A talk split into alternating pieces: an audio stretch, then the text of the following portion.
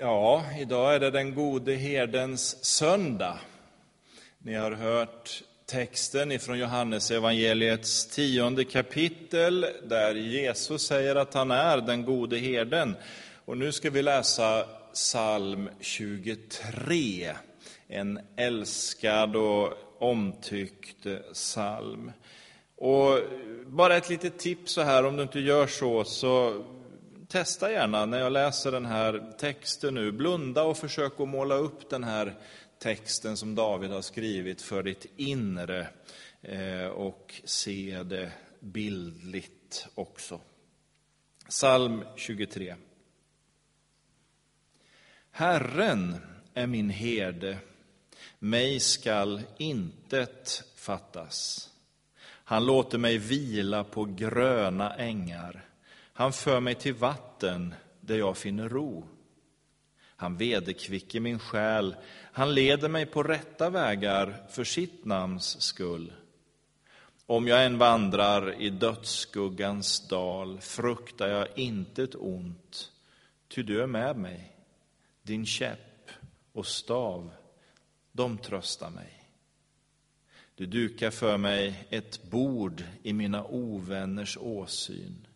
Du smörjer mitt huvud med olja och låter min bägare flöda över. Idel godhet och nåd ska följa mig i alla mina livsdagar och jag ska bo i Herrens hus evinnerligen. Låt oss be. Vi tackar dig, Herre, för dessa ord. Vi tackar dig för den förtröstan, den trygghet och den, det mod som de inger i vårt hjärta. Vi tackar dig för att du är vår gode herde Jesus, som gav ditt liv för oss som är dina får. Nu ber vi för den här stunden då vi ska samlas kring ditt ord. Låt din helige Ande göra ordet levande och verksamt för oss. Låt din vilja få förverkligas i predikan och i våra liv i dagar som kommer. I Jesu namn. Amen.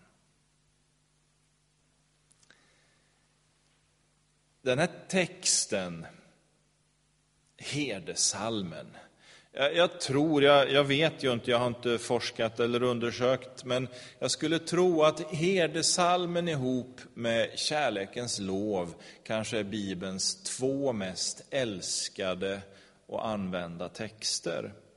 Jag vet ju hur psalm 23 eh, är så betydelsefull för många.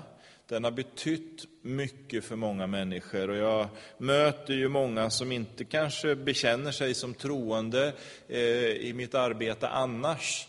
Eh, och jag märker att just psalm 23 finns hos de flesta. Framförallt kanske de som är lite äldre. Så det är väl med viss bävan som jag står här idag och ska försöka dela några tankar med dig om det här Guds ordet. Jag ska tala lite om herden och hans omsorg, om Gud och hans vilja. Jag skulle vilja börja med en berättelse som jag hörde för många år sedan jag har ingen aning om den är sann eller om den är påhittad, men oavsett så tycker jag att den ganska bra ändå illustrerar vad jag är ute efter här i början. Det handlar om en grupp turister som var på resa i Israel, i Guds löftesland. Och så åkte man runt i bussen och tittade på alla de här sevärdheterna som finns i Israel. Eh, och man hade med sig en ung man som var guide. Han var väldigt korrekt av sig och mån om att ge Eh, ordentlig och tydlig information om allting. Och det skulle vara, vara rätt och riktigt såklart. Ehm, och han hade bland annat talat om, för det här är ju en viktig del av den judiska och israeliska miljön, han hade talat om herdarna. Han hade talat om ängarna som fanns med herdar som gick före sin jord och ledde dem i kärlek och i omsorg och med tålamod. Det där hade han berättat och, och, och lite senare sen så passerar bussen en, en sån här vacker äng. Ni som har varit i Israel vet när det har regnat och så hur otroligt vackert det kan vara. Eh, och då tittar turisterna givetvis ut mot ängen och där ser de en skock får. Eh, en, en, en fårjord som springer i panik åt olika håll. Och bakom de här fåren springer det en man och hytter med en käpp i luften liksom och viftar och jagar de här stackars vettskrämda fåren. Och det där väckte en viss munterhet i bussen. Därför att man hade ju hört hur den här guiden hade sagt att ja, det var så fint, liksom fåren gick i en sån härlig klunga bakom herden som, som liksom gick först och visade vägen. Eh, så de påtalade givetvis, givetvis detta för guiden som blev alldeles förskräckt och till sig. Så han säger åt busschauffören att stanna bussen och, och han hoppar ut och, och, med raska steg kliver han ut till eh, det här som händer ute på ängen. Och så talar han med mannen som viftade med käppen i sin galenskap. Och så kommer han tillbaka mot bussen och, och har ett litet leende på läpparna, ser de här turisterna. Eh, så han kliver in i bussen, tar mikrofonen och så berättar han för turisterna då att ja, ja, det var inte herden som ni såg, utan det var slaktaren. Ja, det var slaktaren och inte herden. Och jag tycker att bilden är ganska tydlig i att klargöra skillnaden mellan herden som går före jorden, som fåren följer, eller slaktaren som springer bakom och pressar på jorden. Skälet nu till att jag tror att så många älskar den här herdesalmen är just den här föreställningen av herden som samlar jorden, han kallar på jorden eh, och visar den sin stora omsorg. Herden representerar godhet. Herden representerar kärlek.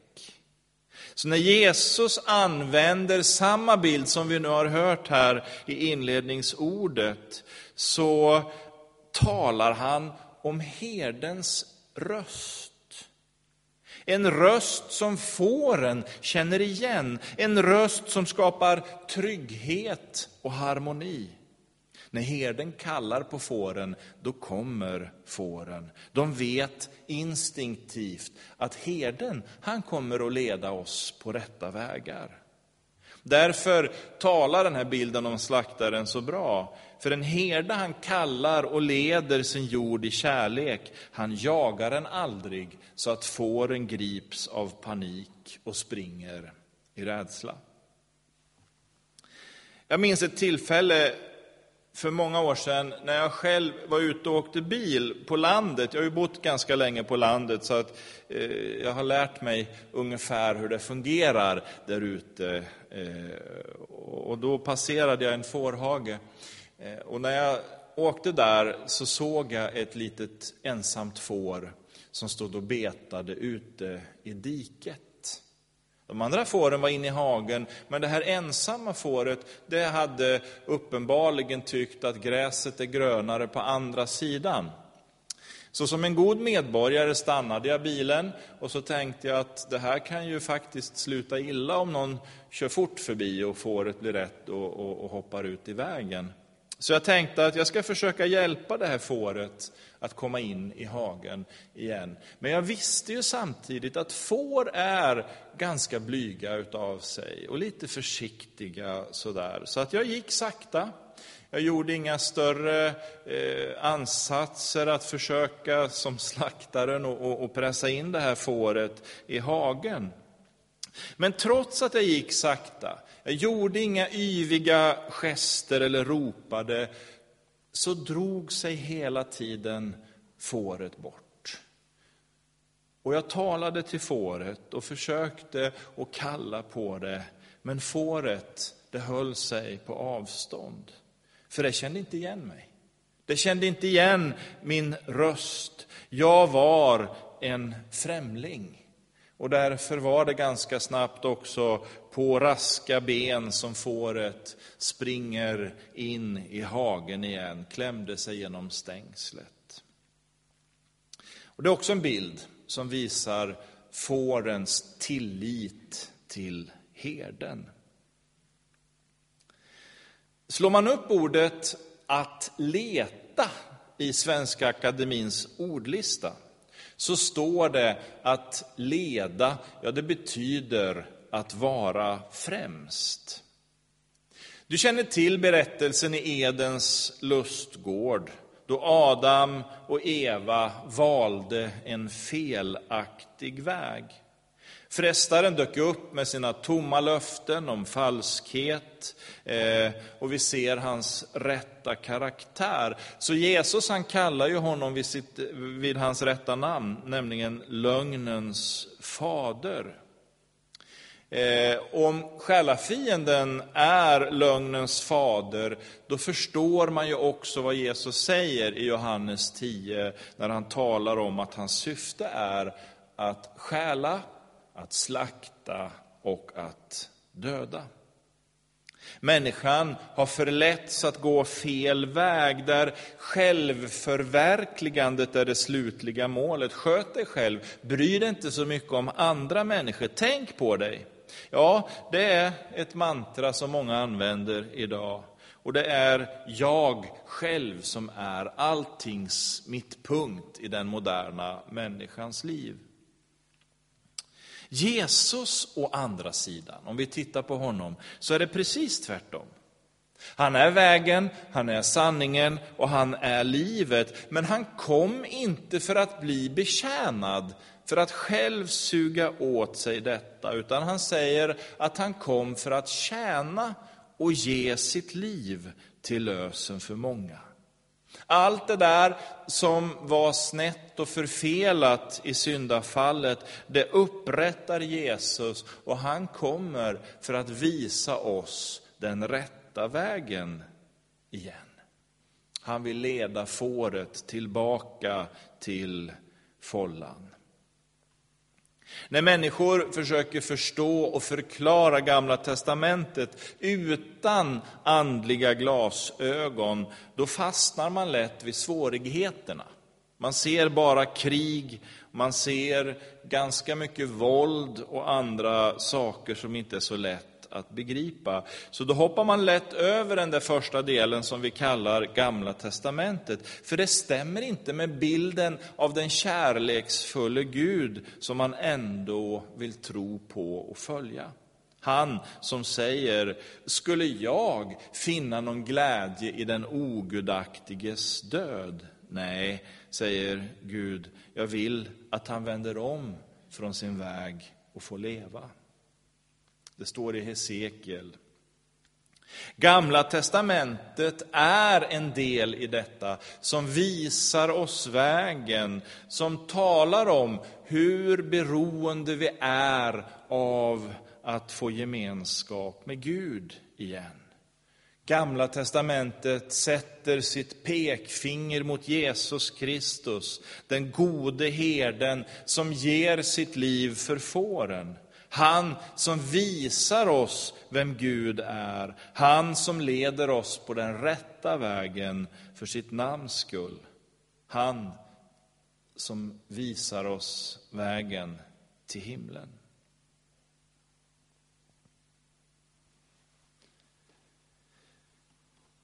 Jag har en liten svaghet i mitt liv. Jag har ganska många svagheter, men en svaghet eh, är det här med ord.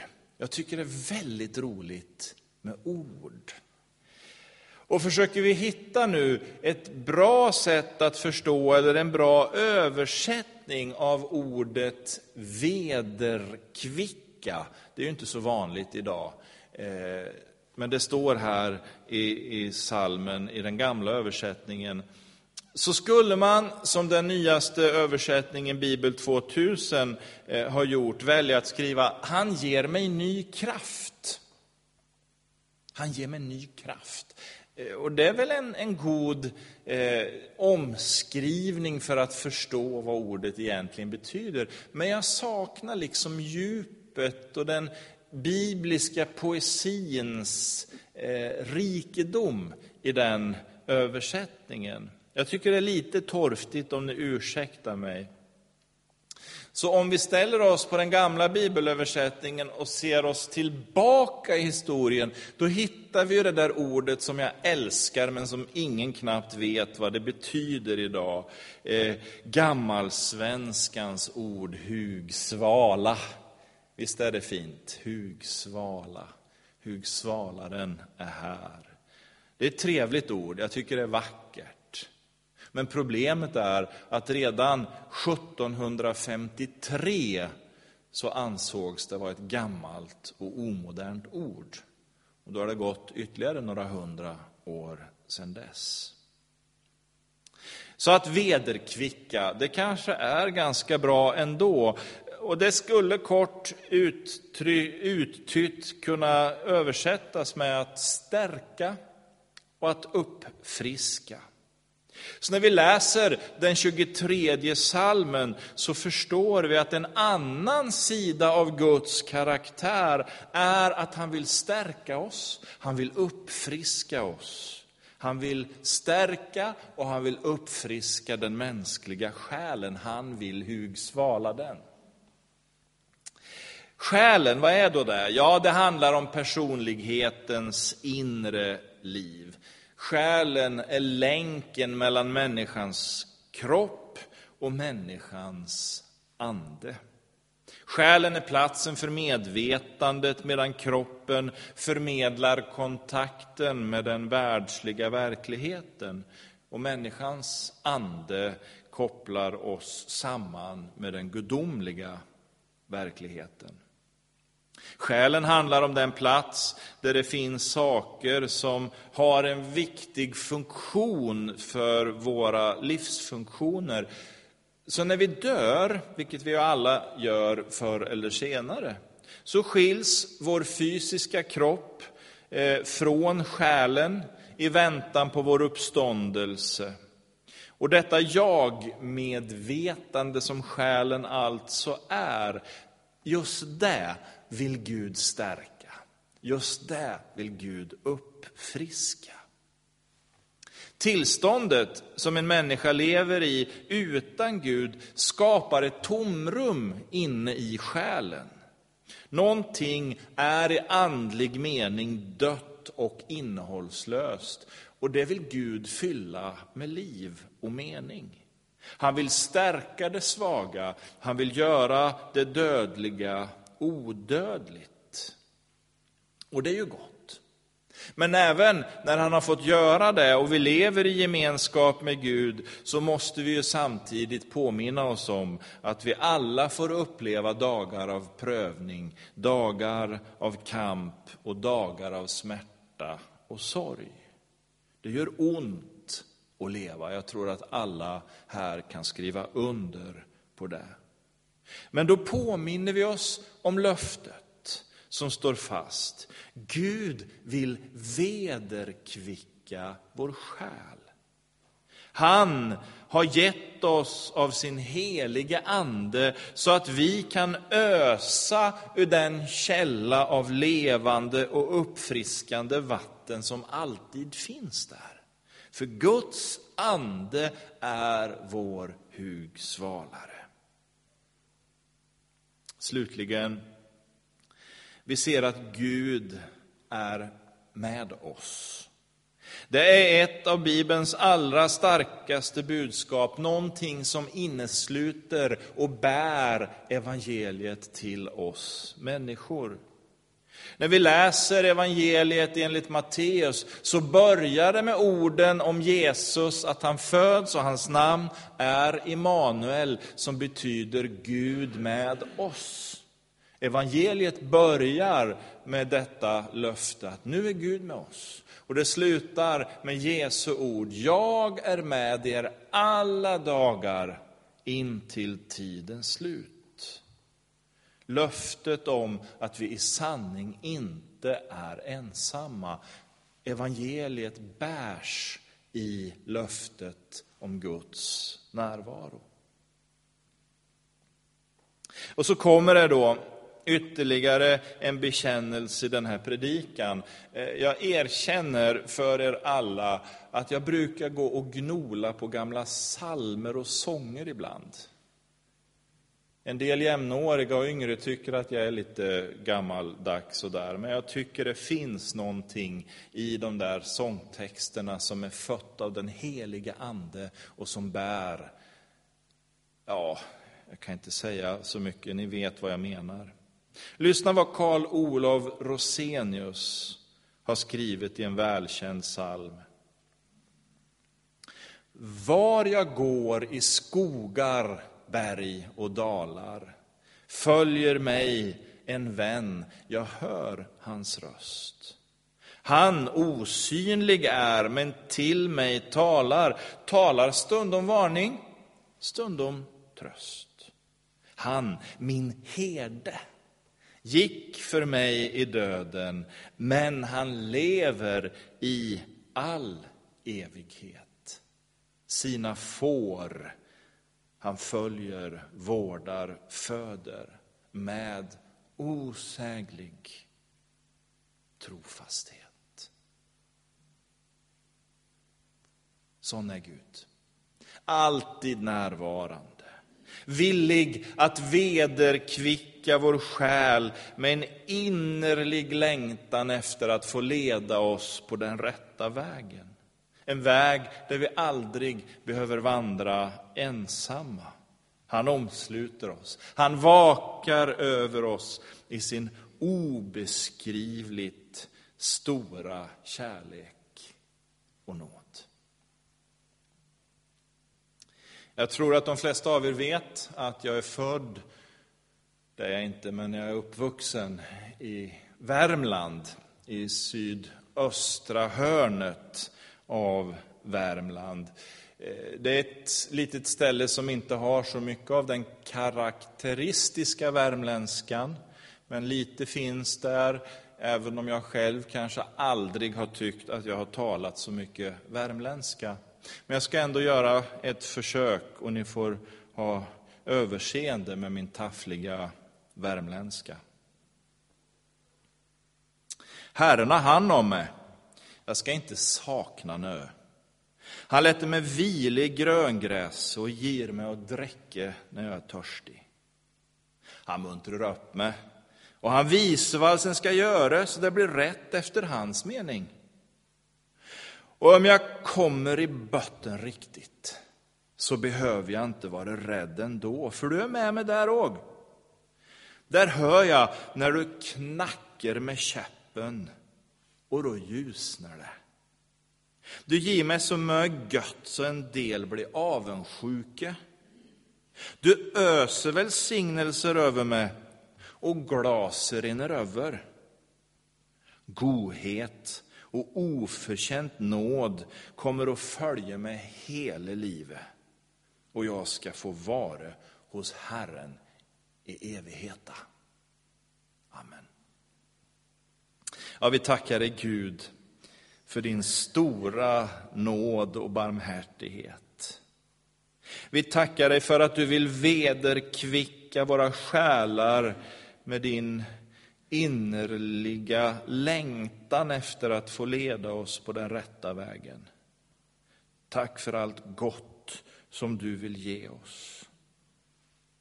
Vi prisar dig och lovar ditt heliga namn. Amen.